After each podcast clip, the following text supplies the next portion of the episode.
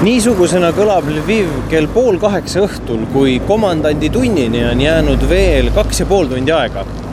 tänavad on äh, autosid täis, kõnniteed on inimesi täis.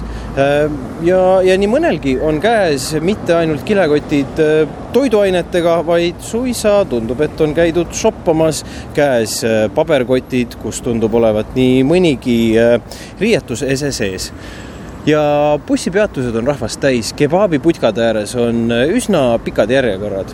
kui mitte tähele panna pea iga nurga peal olevaid liivakotte ja sind aeg-ajalt äh, tervitavaid äh, kamuflaažiriietes äh, mehi ja, ja nende automaate, siis võiks ju silmad kinni panna ja suisa püüda unistada, et see riik ei olegi viiendat nädalat sõjas ja kui silmad kinni panna, hakkavad silme ees jooksma tänased pildid.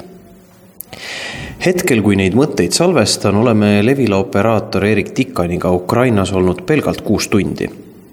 tulime üle piiri Meduka piiripunktist Poolas.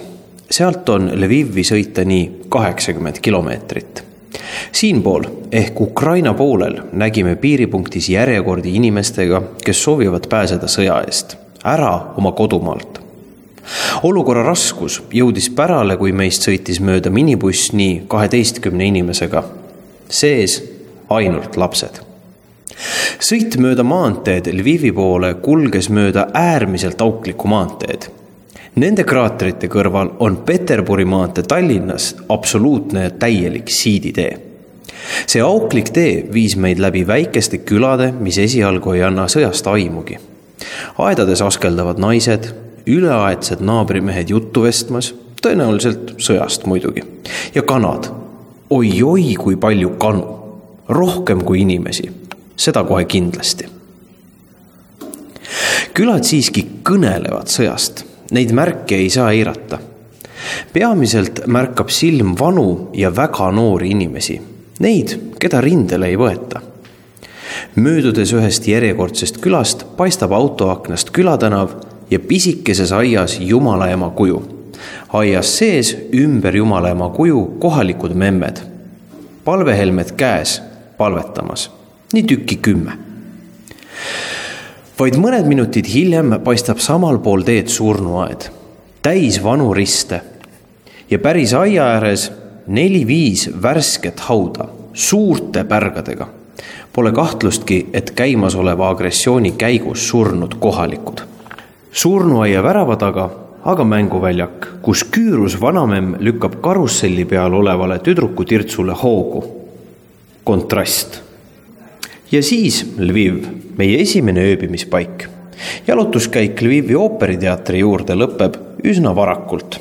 mõtleme, et lahkume siit teadmisega, et kell kümme algab komandandi tund. enne seda võiks veel õhtust süüa ja pisut puhata ja sellised on Lvivi helid napp kaks tundi hiljem, kui kõlab täna kas esimene, mine sa tea, kas ka viimane õhuhäire. nüüd tuleb minna varjendisse. meie varjend asub äh, kõigest äh, meie hotellist üle tee, sama hotelli teise tiiva all. me poeme sinna, meie ees liigub veel umbes nii neli inimest, üks äh, perekond, ema, väike laps ja isa ja taamal ka üks vanem daam. hetk tagasi on äh, kõlanud õhuhäire ja istume ühes äh, koridoris. lisaks äh, minule ja Eerikule on siin veel nii viisteist inimest. siin on vanad daamid, siin on noored emad, siin on teismelised tüdrukud ja paar nooremat meest. siin on koeri ja inimesed on äärmiselt rahulikud sest see kõik on kestnud nende jaoks juba rohkem kui kuu aega. selliseid keldreid ilmselt on praegu üle Lvivi kümneid, kümneid, kui mitte sadu. ja nendes äh, keldrites peidab ennast äh, tohutu hulk inimesi. nii neid, kes on Lvivi elanikud, kui ka neid, kes on siia sõja eest pagenud. kui kaua see õhuhäire täna kestab, ega ju ei tea aga nii nagu kogenumad oskavad öelda, siis küll äh, kohalikud juba teavad, millal on ohutu jälle nina välja pista.